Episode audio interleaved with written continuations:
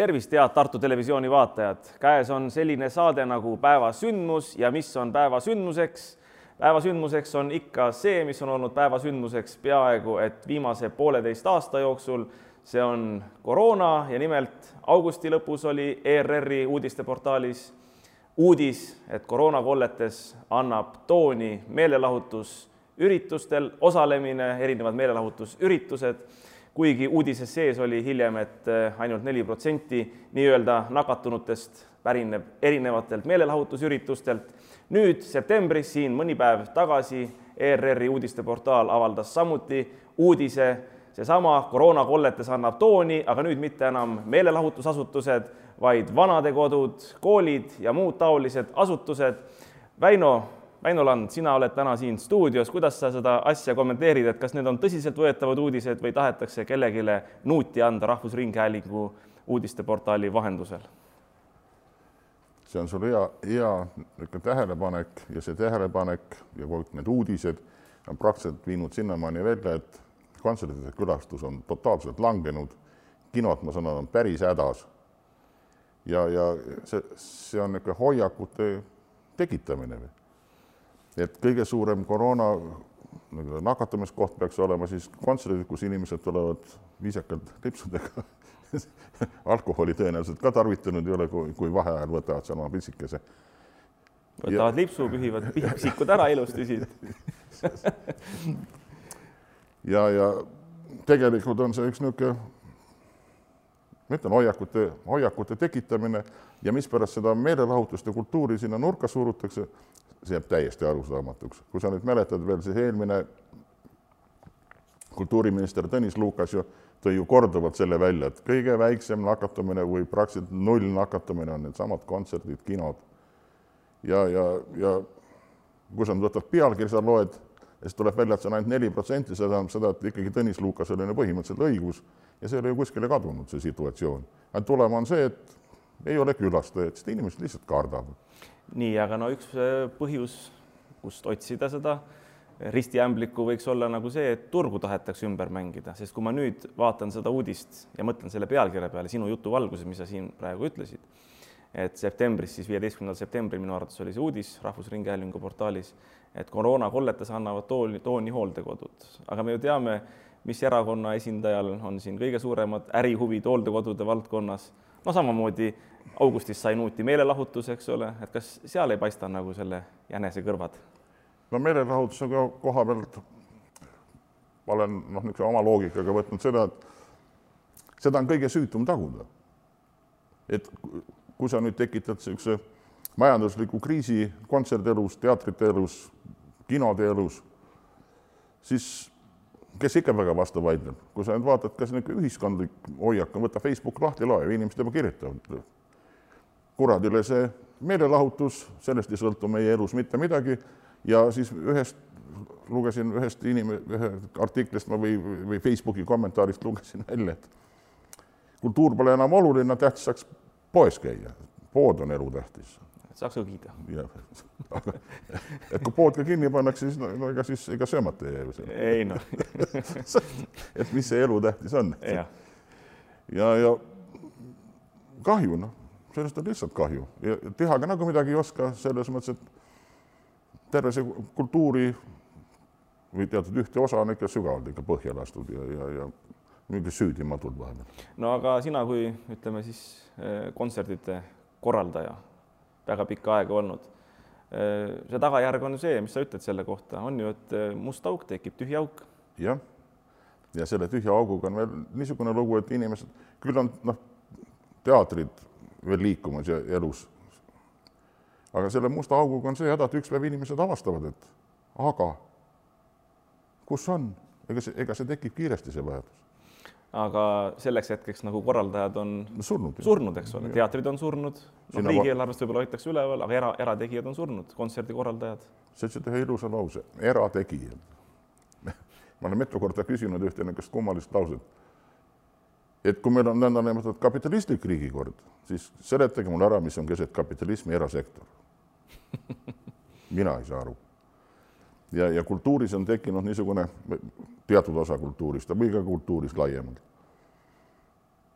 kui räägitakse kultuurist, kultuuritöötajatest, kontserdistest, enamus inimesi mõtleb ja kaasa arvatud ka riigijuhid, riigisüsteemile, riigi käes olevatele asutustele. mis see riigi käes olevad asutused tähendavad? veel hiljaaega oli meil siin olemas äh, riigiettevõte Eesti Kontsert, riigiettevõtted teatrid ja nii edasi ja nii edasi. osavalt Reformierakonna suurel juhtimisel tehti nad sihtasutustest nii nagu oleksid nad siis nüüd nagu eraõiguslikud. aga kui ma küsin, kes siin nagu raha annab, siis tuleb välja, et ikka sama riik.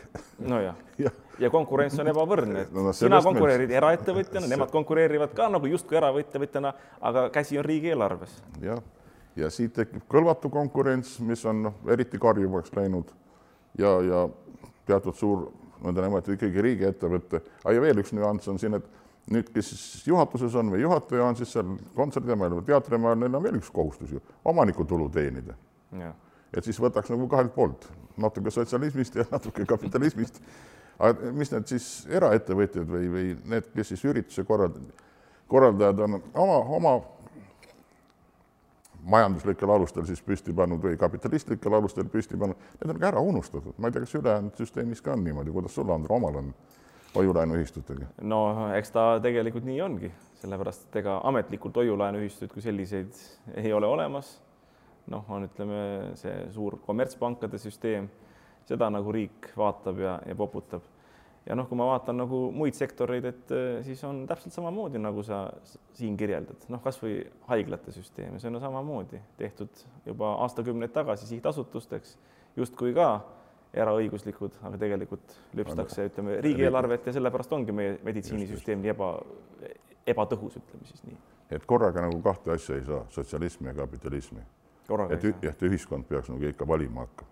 no niimoodi ta on. jah, ja, ja, ja kontserdielu, kontserdieluga on veel üks nüanss, et üks asi on see, et nad riigi raha peal, nimetame siis toetusteks või kuidas sa tahad, aga ikkagi riigi rahade peal püsti, siis oled sa kuulnud, et Eestis on olemas kontserdikorraldajaid, kultuuritegijaid, üritajaid suuremas enamuses osakaalult riigi kultuurielus, kes on samad riigiettevõtted.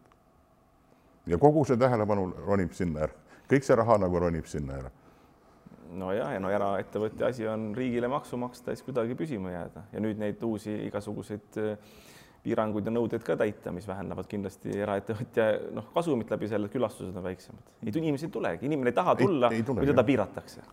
ei tulegi, selles mõttes, et peale selle on tekitatud ka no meeletud hirmud ju inimestel. kogu see propagandamasin töötab hommikust õhtu, võtadega lahti. Viis inimest jäi, viissada inimest jäi, siis seda jäi ja kogu aeg see paanika külvamine käib ja lõpuks on inimene väga ettevaatlik no Kas... nii on, no eks see on, sõltub inimese närvikavast. kui väga kaua kuulad, ka kõige tugevama närvikavaga inimene vajub ära nii-öelda, hakkab et kurat võtaks, tead, võib-olla seal ongi mingid hullud asjad. Et oled sa päri, et kui sa nüüd tuled kontserdile, sa pead mõtlema, et kas panna mask ette ja kummikud jalga. ma parem ei lähe, ma parem ei lähe, ma parem ei lähe jah ja, ja. sest noh, ütleme, ma käisin siin Pärnus ühes kohvikus, ma nime ei hakka ütlema, muidu hakatakse võib-olla represseerima noh, esimene asi, mis küsitakse, et kas teil äh, passi on, eks ole. ma ütlen, et ei ole, ma tulin siia sööma, ma ei tulnud passi näitama siia. no järgmine kord ikka võtke, no seekord saate tellida. no aga miks ma peaks võtma? Ma olen harjunud teistpidi, ma lähen, tahan olla kohvikus incognito, samamoodi kontserdil, ma tahan sinna minna nautima, ma ei taha, et keegi hakkab kontrollima. võib-olla järgmisel ajal tehakse nõue, et kuule, et võta aluspüksid alla, vaata, kas kakatriip on sul püksis, eks ole. aga miks ma pean niisugust asja läbi tegema?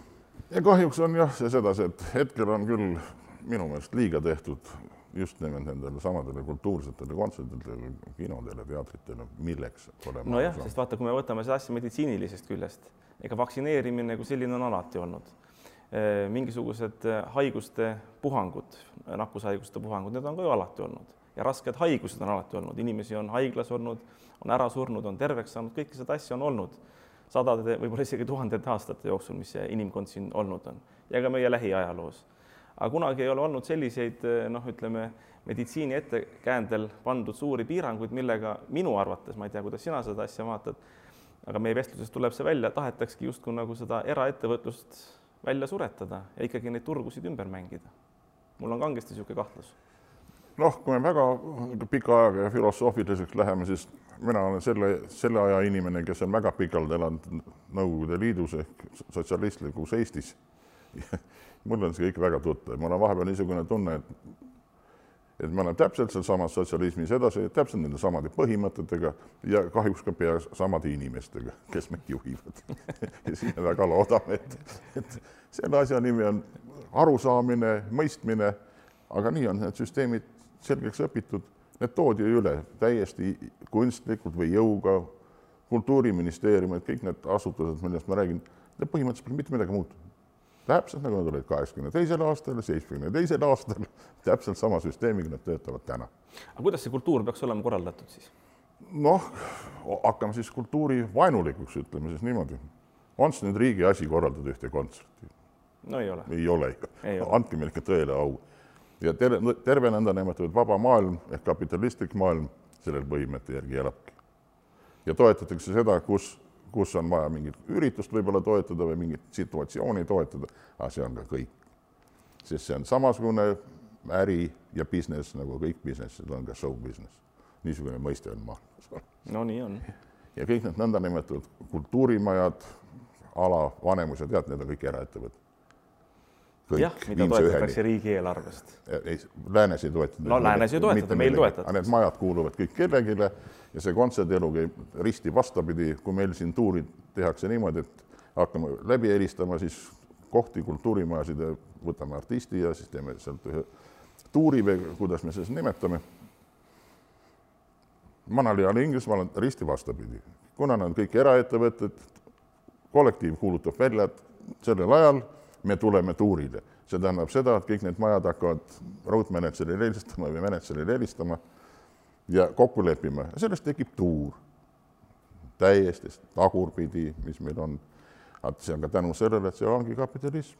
riik ei halda neid. Äh, nojah, ja teistpidi ma täiendaksin siin seda, selles osas niimoodi, et äh, kui me vaatame enne teist maailmasõda, mis oli näiteks Vanemuise teatrit haldas ju Vanemuise selts. õigemini selts tegelikult loodi tuhat kaheksasada viiskümmend, andke mulle andeks, ma ei oska päris niimoodi öelda praegu. Eh, aga noh, sada viiskümmend üle saja viiekümne aasta tagasi. Eh, ja noh, oligi niisugune eraalgatuslik teater, liikmed hakkasid ise nagu näitlema ja teised tulid näitemängu vaatama. hiljem läks ajapikku nagu see asi professionaalsemaks, eh, tuli seltsile liikmeid juurde ehitati teatrimajad, mitu korda ehitati, kuni lõpuks see teatrimaja, mis äh, sõjatules hävis. aga see oli ehitatud niimoodi, et kes tõi palke, kes tõi kivisid, kes andis tööjõudu, kes andis raha, ehitati üles ja see oligi nagu niisugune ühistegelik projekt ja samamoodi oli ju Estonia teater Tallinnas, Endla teater Pärnus ja teistes linnades, kõik need rahvamajad ja nii väiksemad kui suuremad. ja noh, sina ütled seda, et see on show business, omal ajal see oli nagu niisugune kultuuriline ühistegevus kultuuriline ühistegevus, sinna hulka võib väga hästi kuuluda vaibakudumine ja kogu see huvialade ring on, mis on ju tore. aga nüüd on meil sügavalt kultuuri, kultuuri tasemel või tipptasemel läbi vaidlema, et mis see siis täna nagu on meie ühiskonnas, et kuhu ta peaks kuuluma kas see on nüüd riik, kes peab seda, selle eest muretsema või on see ikkagi inimeste erahobi, kus nad peavad ise muretsema, kus nad oma ruumid leiavad ja nii edasi ja nii edasi ja nii edasi. Need on nii põhimõttelised küsimused ja need on jäetud kõik suvaliselt õhku rippuma. noh, ütleme niimoodi, et kui täna tõmmata riigieelarve rahastus ära nendelt nii-öelda poolriiklikelt sihtasutustelt, et noh, siis see kultuur kukuks nagu selles mõttes kokku, aga need koroonapiirangud on teistpidi ära tõmmanud, on külastajad ära tõmmanud mingis mõttes meenutab see ju nagu sellist eh, Mao Zedongi eh, korraldatud kultuurirevolutsiooni. et sellisel kujul me võime veel pikalt võib-olla edasi minna kuidagipidi, aga see kõik ei ole jätkusuutlik. ja see on valus hetk, kus inimesed peavad hakkamagi oma, oma käe peal mõtlema kõikide enda oma huvialade peale, kooskäimiste peale, kaasa arvatud sama professionaalne tegevus veel, kontserttegevus, et me ikka lohistame seda sotsialismi täiesti rahulikult edasi ja süüdimatult. no aga kui ühel päeval kõik see riigi rahastus ära võtta, eh, mis sa arvad, oleks õige samm või? et oleks vabaturu konkurents, inimesed ise, nii nagu omal ajal enne teist maailmasõda organiseerusid, teevad endale ise kultuuri. sellega oleks pidanud juba ammu peale hakkama, sest seda, seda järsku teha on katastroof, täpselt no, samamoodi, see on katastroof.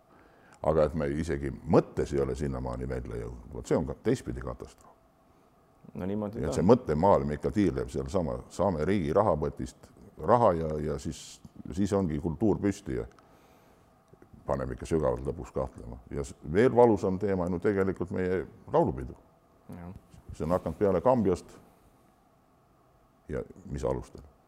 kas tõesti tulid riigimehed kokku, ütlesid, mehed, alustame, siin on raha ja hakake laulma, siis me saame laulupeo.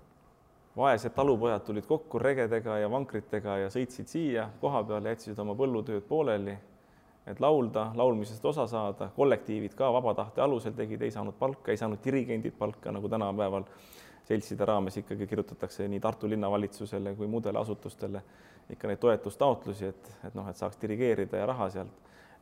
ega tasuta ka päris ju ei töötanud, aga see küsimus oligi selles, et olid koorilauljad, nad tulid kokku eh, maksid liikmemaksu ja sellest liikmemaksust loomulikult hüvitati ka siis dirigendi nii-öelda need, need töötasud. aga ei mindud nagu põlvili kuskilt riigiasutusest küsima. aga mis tähendas seda, et järelikult see pidi olema siis ütleme, selline ühiskondlik sotsiaalne kord riigis, kus talupidajad, käsitöölised, kõik teised ametnikud, töötajad elasid ära oma igapäevasest tööst ja suutsid nii palju kõrvale panna, et kultuuri teha. Andro, see teema, mis me siin praegu läbi võtame ja arutame, see oleks pidanud olema ammu juba kultuuris riiklikult tähtis küsimus, juba aastaid tagasi. Need on teemad, mis tahavad läbivaidlemist, mitte pead liiva alla panemist ja lähme aga edasi ja lõpuks väidame, et meil ikka ei ole raha ja me ei suuda ja lõpptulemus riigil ei olegi nii palju raha. ega ei olegi. et see, see lõpuks on see paratamatus. jah, ja ega raha eest ka seda kultuuri tegelikult püsti ei hoia, kui inimesed ise ei taha. noh, sinna kohta on üks, ma ei tea küll, kes nüüd on öelnud, aga ilus lause. kultuuri ei saa juhtida, kultuuri saab ainult teha. no nii on, et kui ei ole tegijaid, siis ei ole mitte midagi juhtida. nii ta on. ja see juhtimissüsteem kultuuris on täna noh, kõik tahab ümbermõtlemist, ma olen sellest juba noh, ammu ja sügavalt veendunud. aga me oleme siin praegu ta Tartu laululaval. mis seis selle Tartu laululavaga on, on see kultuuriasutus või mis asutus see on? tehakse siin kultuuri? see, ma olen siin majas olnud tõepoolest kolmkümmend ja peale aastat. väga laias laastus, ega me ei ole mitte kuhugile kaugemale jõudnud, kui me siin kolmkümmend aastat tagasi olime. jutud ja arutelud on ka sõna-sõnalt pea samad. mida tuleks teha ja mida kõike teha ei tuleks, aga keegi nagu suurt ka midagi ei tee. oota, see ei ole siis sihtotstarbelises kasutuses või? ja mis sa öelda tahad? ma tahan seda öelda, et mis siin peaks siis nagu toimuma, me oleme ehitanud majakoolaka valmis, uisutada saab? Talvel? kadunud Jürki Kangas ehk Bori Džessi ja maailma üks tippmänedžeridest, ma olen temaga koos seda tutvustanud New Yorgis kaks korda paneelil, kus istuvad no ütleme, terve maailm, kaasa arvatud ka hallide omanikud ja, ja kadunud Kangas tutvustas niimoodi, et see on üks kaunimatest vabaõhuareenidest üldse, viiest kaunimast maailmast, mis on püsti. ja siis, siis ma mõtlesin, ja mis me seal siis teeme ja mis me seal siis teeme seal, et võib-olla hakkaks tegema midagi. et siis hakkaks vaatama, kas katuseid peale tõmmata või midagi maha tõmmata või. okei okay,, aga mida sina teeksid? no kuna on öeldud, see on üks rahvusvahelise niisuguse olekuga väljak, siis mis siin ikka teha annab ju, üritusi, kontserte seda tulekski teha. ja, ja aga see on ju kõik seotud riskiga. kuna maja on linna oma, siis automaatselt ju tulevad siia külge ka riskid iga tegemisega ja lihtsam on mitte midagi teha. niisama nokerdada vaikselt, parandame seinakest ja teeme Eesti mehe kontserdi ka. no aga miks ei võiks olla selline erakontserdi korraldajate ühistegevuslik projekt näiteks, hea küll, ega seda ei pea linna bilansist ära andma, aga linn annaks selle sisuliselt oma hinna eest, no mitte kasumi teenimise eesmärgil, vaid oma hinna eest nendele, kes tahavad korraldada, teha kultuuri. no aga Andro, poliitikud, tehke ettepanek no aga selleks, et poliitikud saaksid ettepanekut teha, näe, kaks kandidaati on siin stuudios, selleks peavad televaatajad, kes on seitsmeteistkümnendal oktoobril valijad, tegema õiged valikud. jah, ega siin muud moodi see elu ei nihku, kuigi ega mul ei ole tänase töötajaskonna või, või kellegi isiklikku niisugust. ei, nemad teevad oma tööd. kõik teevad oma tööd, aga see põhimõtteline situatsioon, mis siin on, et see on, see on ka ikka kummaline, pehmelt öeldes kummaline. no aga ütle niimoodi siis televaatajatele, okei okay,, hakkame siin korraldama kontserte. noh, linn kasumit ei taha sellest teenida otseselt, aga mis linn sellest saab siis? linn saab üritused. ja mis ta selle üritusega teeb? No aga see on ju majanduslikult ammu selgeks tehtud, et kõik üritused, mis on, omavad kaalu ja kus siia kõige lõpuks inimesi tuleb, kuigi see on ka pikk ja aastate töö, et siia tuleks, see on ka käest ära kahjuks lastud, siis toob ju kaudset kasumit. ostavad poodidest süüa, olevad hotellides ja, ja käivad linnagi vaatamas, me tahame ju elu edada, eded, elavdada siin Tartu linnas, mille arvelt me siis nagu seda elavdame. elavdada saab siis, kui inimesi tuleb kuskilt no nii on. vaatama seda kaugemal. ja tuleb võib-olla mõni rikas šeik või tuleb keegi Saksamaalt või kuskilt rikas ärimees tuleb kontserdile, ütleb kuradi hea kontsert oli. see on hea linn siin Tartus, kurat, ma investeerin siia. ka selliseid asju võib ju olla. vot siin oli vahepeal juba tekkis niisugune situatsioon, et nagu veel sellel teemal arutleda, siis tolleaegne kontseptsioon, kui me siin edendasime, oli imelihtne. Tartu linnal peab olema üks oma kontraüritus just nimelt linnal. vot see on see koht, kus linn võiks siis, kui raha ei taha anda või ei taha toetada, siis vähemalt moraalselt on õige poole peal, mitte et lõigatakse linnid läbi, lastakse kõik põhja, mis siin midagi teinud on. ja, ja see põhimõte on ääretult lihtne, et sa pead näitama teistele kontoritele business'i üle maailma. siin käivad artistid, siin on käinudki muidugi. kõigile meeldib, kes siin on käinud. ja siin tekkis situatsioon, kus me saime selle elu juba nii kaugele käima, juba hakkasid kontorid meie poole vaatama. siin oli tollel ajal näha, et neli-viis tuhat inimest on, seda filmiti, seda ju kogu aeg näidati, et meil, meil ka elu käib mm. -hmm. ja see platsi suurust saavad aru, raha oskavad kõik lugeda, mitu inimest siia mahub, mis selle sissetulek või väljaminek on ja, ja ülejäänud maailm hakkab sulle tähelepanu vaikselt pöörama, just nimelt, kes seda tööd teevad, see ei ole ainult ajakirjandus pöörab tähelepanu, on samad kontorid üle maa, maa siis üle Euroopa. ja oli juba see situatsioon, kus üks Soome festivali korraldaja, vaat siia tuleb festivali, asi on teistpidi ka rent. maailma taks on viisteist protsenti, sa saad kaks asja korraga. saad promoda ja saad ka natuke teenida. nojah. et sa ei peaks ise iga päev selles riski, riskimasinas olema. selles mõttes see on suhteliselt suur väljak ja nagu võib taibata, et siia noh, saja inimesega pole mõtet kontserdi korraldama hakata eriti. nojah ja noh, kellelt kõige parem võtta on tegelikult raha tuleks sisse võtta välismaalastelt, meie just, riigi, meie linna huvides, mitte oma inimestel. sa pead näitama enne seda, et sa oled võimeline tegema no,, sul on koht olemas, niisama tühja koha peale ei tule mitte keegi, et ah, hakkame, me hakkame siin nüüd arendama ja investeerima. ei nojah, see, see peab juba tõsi. nii olema, et kes tuleb välja, väli, välismaalt, paneb silma peale, ta vaatab, et siin regulaarselt inimesed käivad, inimesed tahavad tulla, tuleb pealtvaatajaid. aga välismaale saamine on samamoodi, et sa, sa ei lähe ju suvakontorisse ja siis okei okay,, tuleb Erik Clapton sa võid sinna kontorissegi saada, Claptonit ei tule kunagi. et see, see masinavärk on ka kõik omavahel seotud, nii nagu on pankurid teatud mõttes seotud kõikide erialade inimesed. ja sa pead selles masinavärgis tegija olema.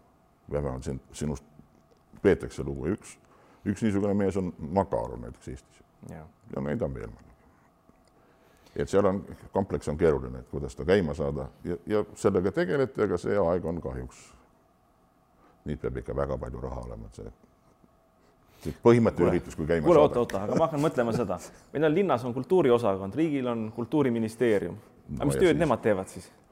see on nende töö ju organiseerida, teha, tekitada hea, tingimused. see on hea küsimus. kui selgus, et kultuuriosakonnas tekib probleeme, kes on alamatiis või see jah, alamatiis on siis. Nad teadnud seda. siis siis et no, tõsisematest probleemidest ära räägi. noh, hea, et nad teavad seda, mis erakonnale alla tuleb töötada, mis see alumatiism ikka siia puutub. ja kui sa nüüd suures laastus ministeeriumide ja, ja, ja kogu selle riigisüsteemi kohta ikka küsid, siis vahel tekib tõesti küsimus, milleks see kõik, sest eraettevõtted on neist ikka juba suhteliselt kaugel. ei no mina olen majandusmehena mõelnud nagu seda, et välisministeerium, kui mina oleksin riigijuht, siis mina panen või noh, valitsuse juht, ütleme siis niimoodi tänastes tingimustes mina nõuaksin, et Välisministeerium tegeleks meie ettevõtetele, mitte suurtele ettevõtetele, Elering, Eesti Energia ja mis iganes, turgude otsimisega ja reaalsete kontaktide leidmisega. see peaks olema Välismajandusministeerium. kõik käib ikka niimoodi. sulle, näost näkku, sa pead, sa, pead olema, nad peavad aru saama, et sa ei ole päris luhtikusti, kes on jälle tulnud kuskilt. et see on tõsine, tõsine teema. see, see on kõikidel aladel, nagu ma aru saan, et see, niisugune üleüldine noh, lapad, see käis, käime ringi, et Eesti on nüüd maailmas see vahel tundub ja, ja ongi koomiline. et lähed sinna maailma, sõidad Itaaliasse ja siis küsid, kus see Eesti on. oled rannas ja kuulnudki aga muidu oleme maailmas. nojah, tiiger, nagu öeldakse, pisikene, kassikene meie saateaeg hakkab seekord läbi saama, ma arvan, et me peame nendel teemadel rääkima, sellepärast et see on alles sissejuhatus. aga mis sa lõpetuseks ütled, et kuidas lühiajalises plaanis selle kultuuriga edasi minna või ütled lõpetuseks midagi rõõmsamat rõõmsamat, näiteks Süku kohta? See, ma olen küll õige mees sulle seda ütlema muidugi, sest ma olen üks Süku vastane. aegade algusest peale, sest Sükuga on üks, esiteks teha kaubamaja kõrvale teine kaubamaja on ikka Tartu linnas ikka üks koletu mõte. no siis on konkurents vähemalt. sest see, see kaubamaja seal keset linna on juba niimoodi, et mõtled, jumal, jumal küll, mis siia saanud on. ja kaua see siin seisab? kümme aastat, kakskümmend, sada ja me teeme teise kõrvale. ja, ja kui ma loen kogu seda sisu, mis sinna üritatakse kokku panna, lugesin ka härra linnapea juttu siin üleeilses lehes või eilses Tartu Postimehes, kusjuures sinna on kirjutatud kõik kokku, mida kokku annab kirjutada galeriidest, muuseumidest, näitustest, kontserditest ja taidlusest ja ma ei tea, meelelahutusest ja suures plaanis ja hängimisest ja tänaseks ei ole veel aru saadud, rahaga on kätte saadud, mis sinna ehitama hakatakse, sellest pole veel keegi aru saanud täpselt. noh, ikka vaata, see oli, no ma ei tea, kus kuskil lastejutt või mis seal oli, et eh, kus, kus ka nagu maja ehitamist alustati sellest, et suits joonistati ja korsten nagu ja eks see Süku on umbes vist samamoodi see on sihuke uskumatu mõte minu jaoks nagu uskumatu. kontserdielu peal veel mõelda, siis ta on koomiline, kui sellest tuleb viiesaja kohaline kontsertsaal ja kümme sammu edasi on Vanemuise saal, kus on kaheksasada kohta. et mis, kus see mõte või loogika või? noh, aga see on meie linn ja meie tänane koalitsioon, mis on juba päris kaua kestnud Reformierakonna juhtimisel. noh, jah, nii ta kahjuks on ja ma arvan, et ka, ka meie loidus on ka mingis mõttes seda ikkagi tinginud, et nüüd viimasel ajal on küll see elu vähe aktiivsemaks läinud ja, ja vastuväiteid tulnud sinna, aga aga ikka me oli, noh, oleme nagu pealt, pealtvaataja rollis mingi aeg. aga ma tahtsin, Andro, öelda, et kogu selle kurva jutu peale, et kui sul ja ka Keskerakonnal on võimalus sinna linna juhtimise juurde saada, siis, sest ma olen hea meelega nõus neid teemasid vähe teisel tasemel arutama ja ma loodan, et see elu läheb ka natuke targemasse rööpasse, nii et. Need on kuldsed ja vajalikud sõnad ja ma arvan, et saate lõpetuseks ütleme niimoodi, et seitsmeteistkümnes oktoober on lähedal, ärge maha magage, kasutage oma kodanikuõigust, tulge valima, valige õiged inimesed, valige need, kes tahavad teha ja õigesti teha ja suudavad mõelda, planeerida ja siis on võimalik, et elu tõesti läheb paremaks, nii nagu Väino Land siin täna ütles, et plaanid on väärt, et mõelda, planeerida ja siis korralikult ellu viia